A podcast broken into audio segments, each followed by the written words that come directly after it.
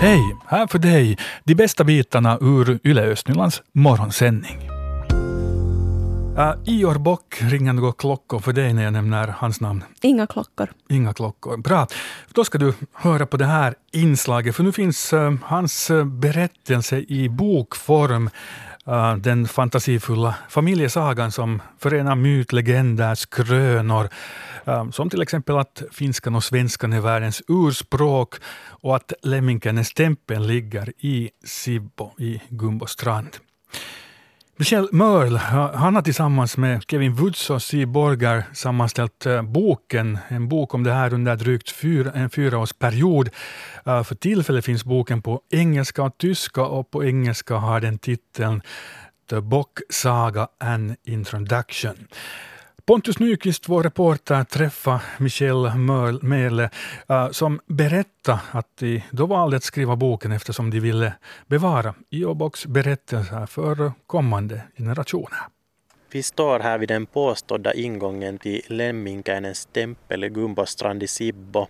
Georg Bock påstod alltså att Lemminkäinens tempel skulle finnas begravd i den här berggrunden som vi står vid. Och under 1980 och 90-talet gjordes här också utgrävningar. Något tempel har däremot aldrig hittats. För tillfället är grottan vattenfylld, men templet påstås alltså ligga där under.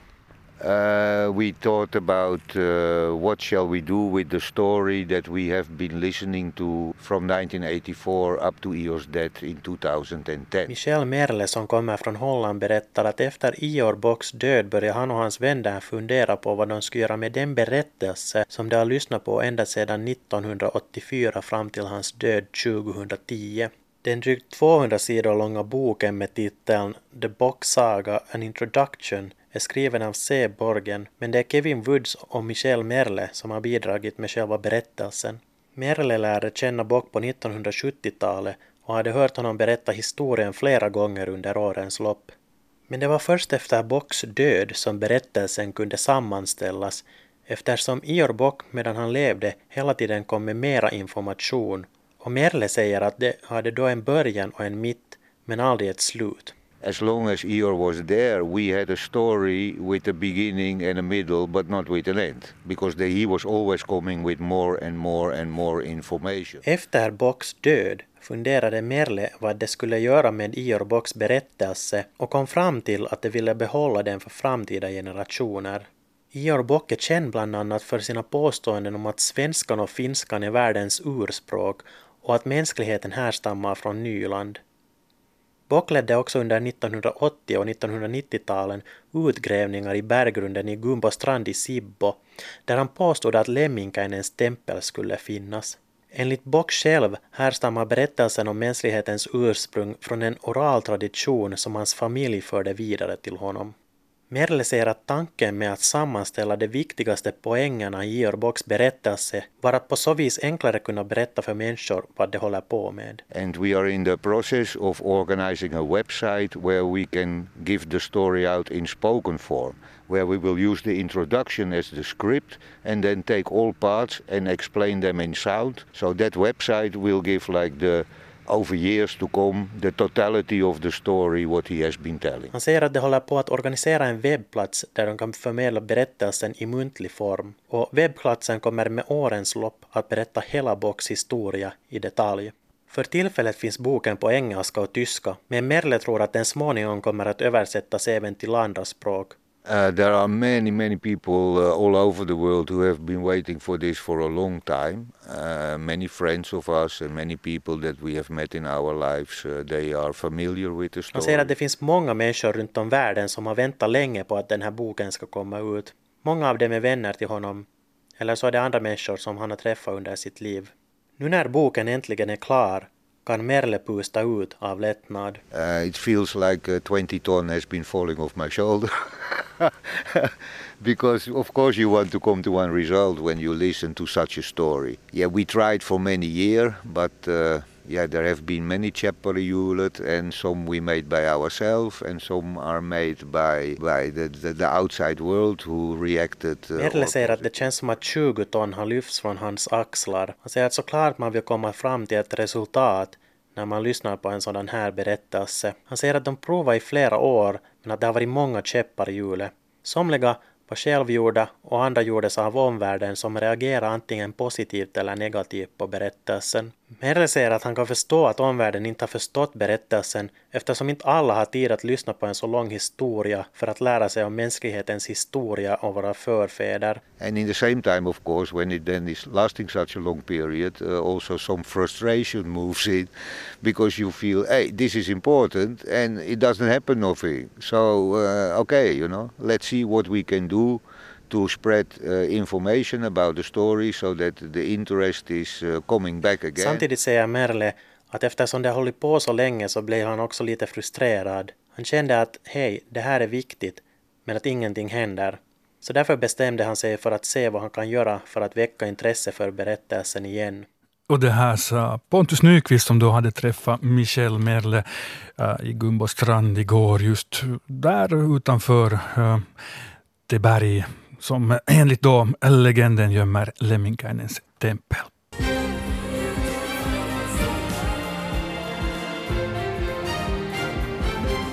Klockan är alltså halv åtta och det blir nyheter från Östnyland. Mitt namn är Victoria Rikonen. God tisdagsmorgon. Provet från badstranden i Sonnby 1 i Borgåf uppfyller nu kvalitetskraven på badvatten. Det nya vattenprov som togs i torsdags uppvisade inte lägre längre höga halter av varken E. coli-bakterier eller enterokocker. På basis av resultaten behöver man med andra ord inte längre undvika att bada i vattnet. Orsaken till den rikliga förekomsten av bakterier för en vecka sedan har inte kunnat bekräftas. I samband med provtagningen konstaterade man inte heller någonting onormalt vid stranden. Och nu har mamman som körde rattfull på riksväg 6 vid Liljendal i Lovisa överklaga sin dom. Tingsrättens dom på fyra års fängelse har överklagats till Helsingfors hovrätt. Det skriver tidningen Osima. Kvinnan orsakade en trafikolycka då hon körde in i motkommande trafik på riksväg 6 år 2017.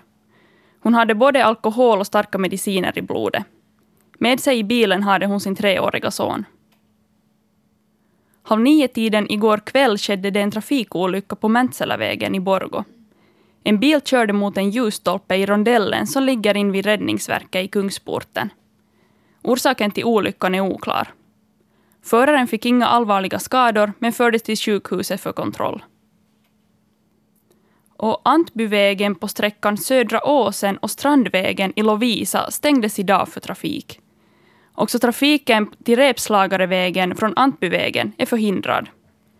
Det här eftersom Affärsverket Lovisa Vatten gör underhållsarbete på Antbyvägen. Inte heller kör bussturerna till Lovisa kraftverk under morgnar och eftermiddagar vid Strandvägen.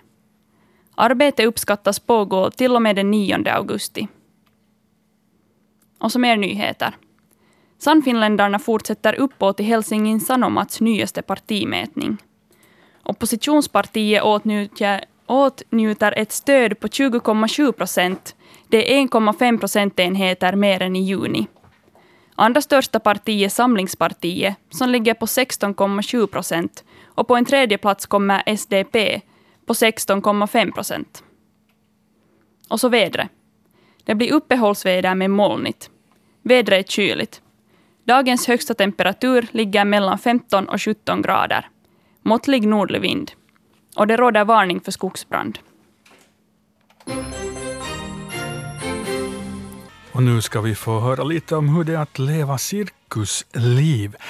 Cirkusartisten och Borgobon Oskar Rask, ja, han var med och grundade Cirkus Aikamoinen för tio år sedan.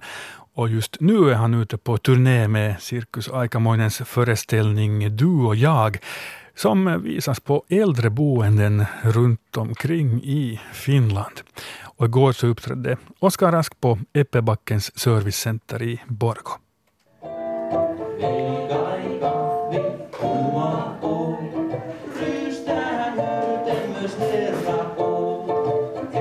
Det är alltid trevligt att komma till Borgå. Hurdant är vardagen för en cirkusartist? Ja, det kan vara allt möjligt. Det, det beror på vad vi håller på med. Det är väl, eh, allting är projektbaserat på det viset. Nu gör vi det här då i två veckor. Så det här då ser ju vardagen ut så att, att vi vaknar och, och sätter oss i bilen och, och kör dit vi ska.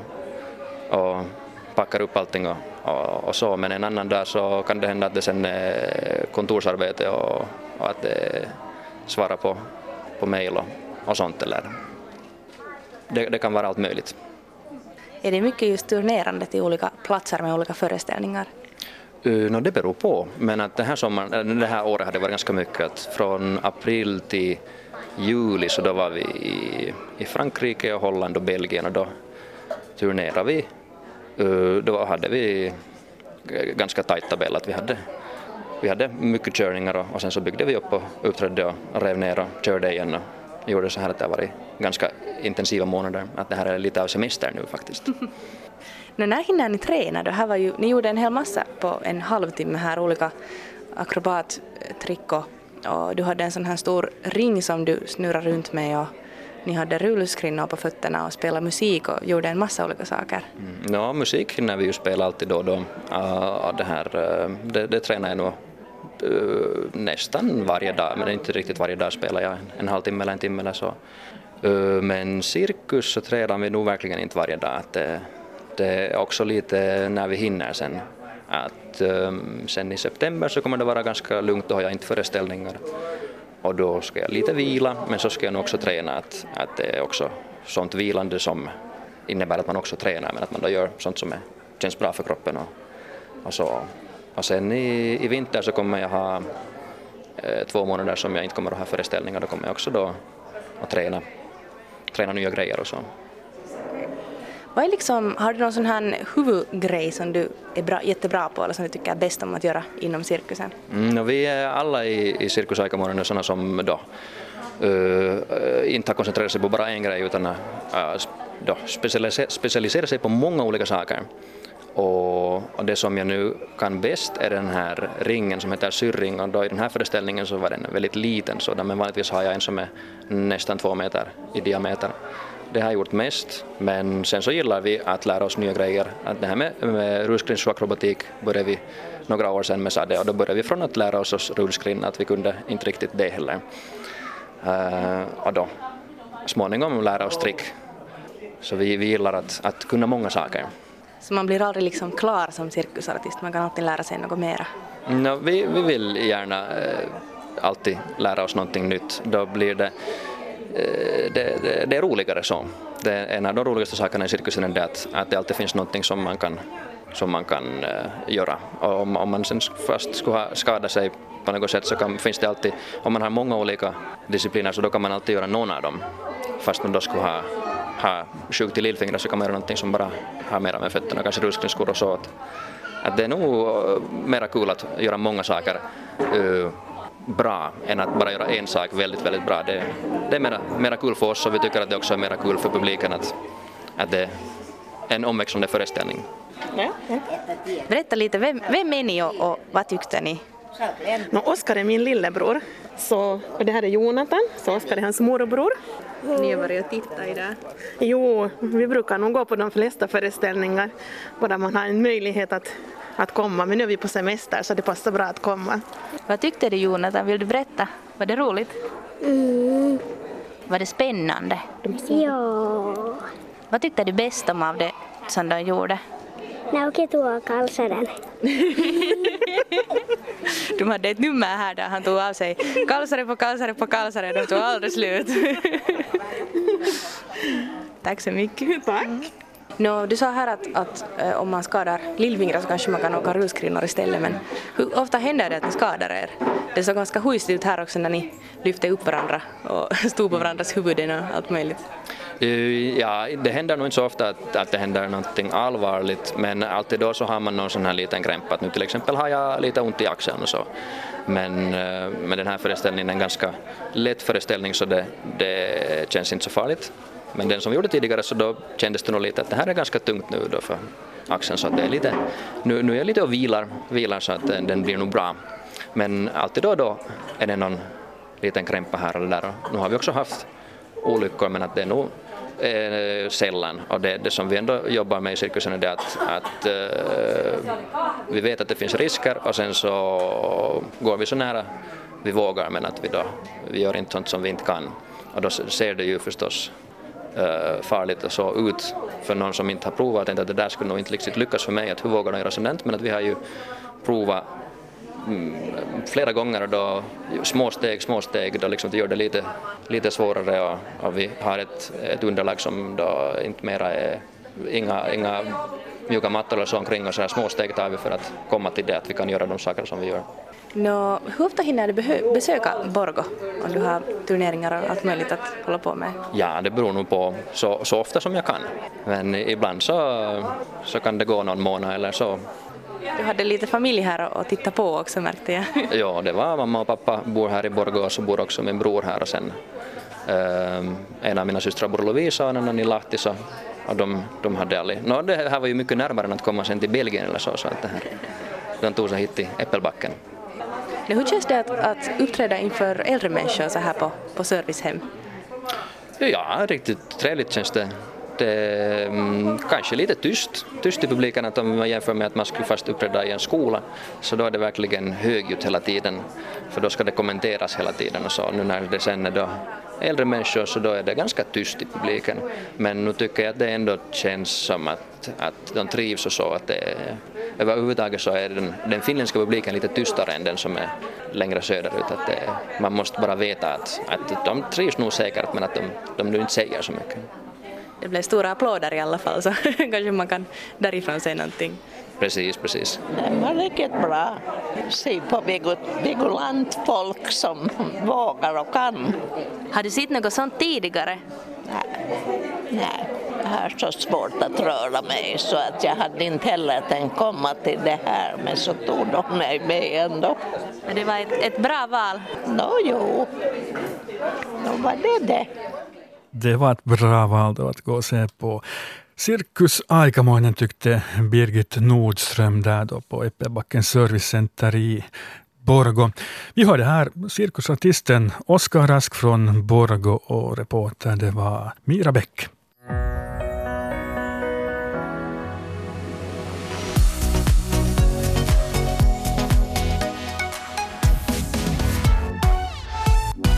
Om eh, jag cirka tre veckor då gäller det för Borgobon Pontus Sjöström att eh, ja, ha kroppen i full trim och orka med allt, det vill säga simma, cykla, löpa. Han ska då delta i Ironman i Köpenhamn. Det är då fulla distanser på, på alla de här tre grenarna som gäller då triathlon. Och eh, ja, vi har eh, besökt, vi besöker honom som bäst. Det är Rebecka Svedberg som är på plats för att få veta mer om vad som motiverar någon till ja, att försöka sig på sådana prestationer. Det stämmer. Jag är hemma hos Pontus här i Vårberga. Vi står på hans bakgård och njuter av sol och en kopp kaffe. Pontus, det är ju så att du har börjat med triathlon så här lite på senare dagar. För de som inte vet vad ett triathlon är så, vad går det ut på? No, triathlon går ju ut på det att man, man i ett kör simmar, cyklar och, och, och löper. Och det där eh, det finns fyra etablerade distanser. Det finns en sprintdistans och så finns det en olympisk distans, halvdistans och så finns det fulldistans. Och det är ju så att det här då är en ganska ny hobby till dig. Du har inte hållit på med det här så länge. Det var väl bara två år. Hur, hur kom det sig att du hittade på att börja med det här så här på äldre dagar? No, jag har ju nog dels min, min svåger Jonas Blom att tacka. Han är nog Borgos, Borgos snabbaste triatlet om vi ser på statistiken för tillfället. Men det där, han, han smittade av sig på min, på min syster och min far för några år sedan och, och, och de gjorde några olympiska distanser och så tändes det en gnista i mig men, men det där, jag hade just genomgått några knäoperationer då så, så det var inte aktuellt då för stunden. Men sedan när det blev aktuellt på, på hösten 2017 att ta upp två nya träningsformer i, i, i simningen och cyklingen så, så fattar jag nog ganska snabbt att, att det här kan bli min grej och, och det där sommaren 2018 sedan så gjorde jag min första olympiska distans och, och vågade mig ännu på en halva samma sommar. Och, och det där, då för ett år sedan när jag gjorde den där halvan så, så, så visste jag nog att jag, jag, jag vågar mig ge, på den här, ge mig på den här helan som nu ordnas om, om tre veckor i Köpenhamn. Ja men då, du har alltså haft någon sorts idrottsbakgrund, du börjar inte helt från noll? No, min, min idrottsbakgrund är nog det att jag, jag har sprungit den där ena obligatoriska Helsinki City-rannen mellan år 2006 och 2010. Att jag har nog inte någon desto mera idrottsbakgrund. Eh, visst har jag ju kunnat, kunnat simma vid bastubryggan och kunnat cykla, kunna cykla till skolan men aldrig sådär som en träningsform. Att, att, att jag har nog tagit upp två nya, två nya grenar i och med det här. Mm. Och det är ju då så att man behöver träna för att klara av en sån här hel distans. Så du är ju familjefar, har två barn och, och fru. Hur får man så här vardagen att, att rulla om man vill träna till ett sånt här krävande lopp? No, på semestern är det ju lätt att träna. Då stiger man bara upp tre timmar tidigare än alla andra och så får man träna bäst man, bäst man vill. Det har, det, det, det har gått bra den här sommaren. Men den här, den här vardagen så i vardagen så handlar det nog mycket om det att man, man kombinerar då till exempel eh, vardagliga saker med träning. Ett alternativ är ju det att man får kvart över sex till simhallen och så hinner man hem och hämta barnen ännu till dagis eller sedan så vi brukar i den här familjen göra som så att jag för barnen på morgonen och så öppnar det upp lite tid mellan, mellan det att jag slutar jobbet klockan fyra och, och, och det där middagen att träna. Ja, du tycker att du hinner träna tillräckligt eller hur är det? No, det, det är många som tänker att om man, om man ska klara av ett sånt här lopp nu, nu måste jag poängtera att jag inte klarar av något lopp ännu. jag har inte klarat av loppet ännu men må, många som tänker så här att man måste man måste gå ut och simma fyra kilometer varje gång man tränar eller man måste cykla 180 kilometer varje gång man tränar eller, eller springa ett maraton och det är ju inte alls det som det, som det handlar om utan det viktiga är det att man, man tränar regelbundet och, och det där man tränar systematiskt istället för att man varannan vecka går ut och försöker träna så mycket som möjligt så, så bygger man på bygger man på form på det sättet att man regelbundet tränar. Mm, det låter ju nog som en, en bra taktik. Men vad, vad säger nu familjen då om att du alltid då och då försvinner på någon cykelrunda eller något liknande? Jag tror att än så länge så har de haft bra förståelse för att 40-årskrisen kommer i, kommer i olika former. Vissa går och skaffar sig en motorcykel och andra anmäler sig till Ironman-lopp. Men, men det där, eh, nu, nu tror jag att åtminstone barnen tycker att, tycker att jag är en ganska intressant förebild för vi, det är ganska ofta som vi med min äldsta som då fyller sju i, i december går ut och, och, och, löper eller simmar, simmar triathlonsimning nu för tiden som, som det heter. Så, så där har jag nog blivit en bra förebild.